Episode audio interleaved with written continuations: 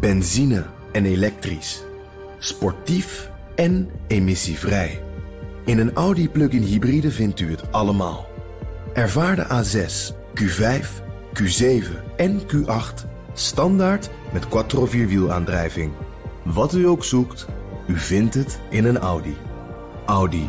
Voorsprong door techniek. Postma in Amerika. Tijd voor het Amerikaanse nieuws door de ogen van onze correspondent in Washington, Jan Postma. Jan, de schietpartij op een school in Nashville zorgde voor ruzie in het congres. Ja, daar vielen in, totaal uh, in die school dus zeven doden, uh, drie kinderen. Dus een serieuze zaak. En dat was echt het belangrijkste nieuwsverhaal van deze week in de VS. Veel frustratie bij democraten die maar niet snappen dat republikeinen niet aan strengere wapenregels willen.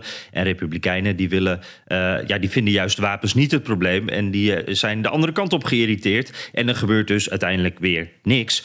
En ja, dat werd echt emotioneel ook in de wandelgangen. De democraat Jamal Bauman hoor je zo het hardste schreeuwen. En de republikein Thomas Massey hoor je amper, uh, maar die is er ook. Uh, Bauman is een oud leraar, die wil strengere regels. En die Massey die poseerde voor zijn laatste kerstkaart met zijn hele familie... gewapend met vrij indrukwekkende AR-15's voor de kerstboom. En hij wil leraren bewapenen.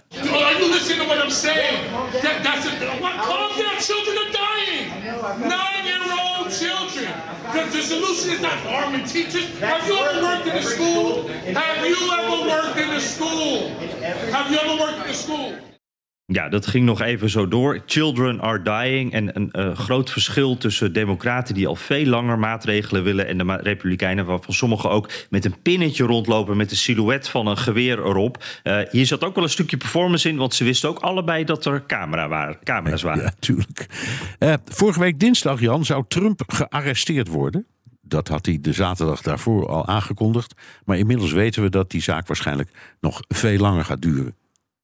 Ja, uh, Trump zei zelf uh, inderdaad, het gaat gebeur gebeuren. Nou, hij zat ernaast. Maar we hoorden wel al een tijdje dat die grand jury in een afrondende fase zat. Dus we hielden er toch ook allemaal wel rekening mee dat het één deze dagen of de komende tijd in ieder geval klaar zou zijn.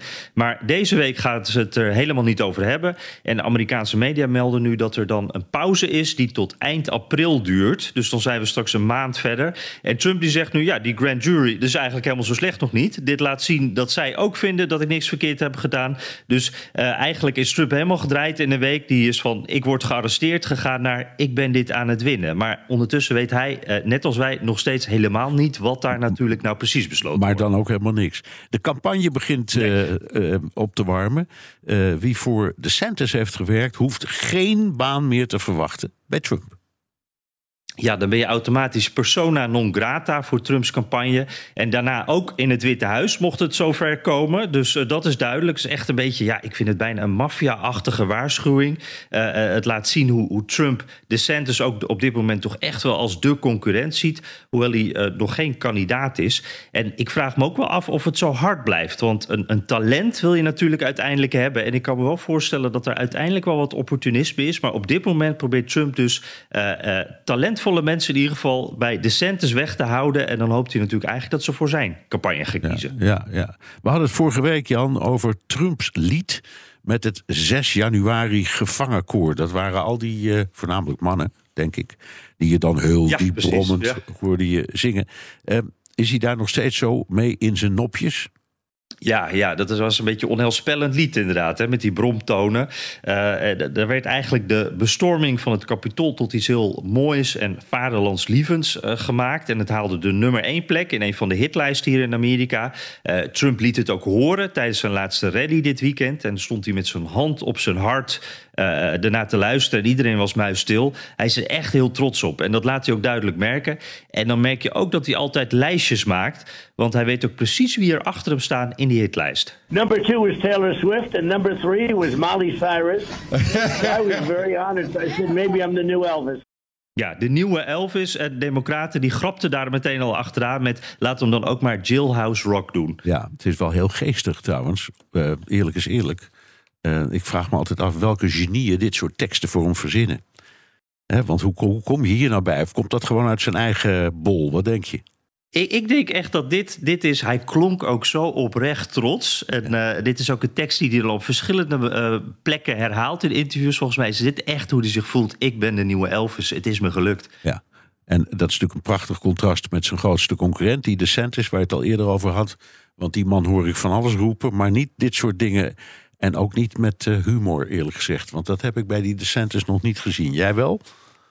Nee, nee, inderdaad. En dat is ook wel een puntje van kritiek. En, en deze week was sowieso een beetje de eerste kritiek op de te horen van ja, het is eigenlijk ook wel een beetje een saaie man. En waarom dringt hij nou niet echt door bij die kiezer? En, en, en gaat het in de peilingen ook niet al wat beter? Nou, dat is allemaal nog super vroeg natuurlijk, want de is officieel nog niet eens kandidaat en, en we hebben nog zo lang te gaan.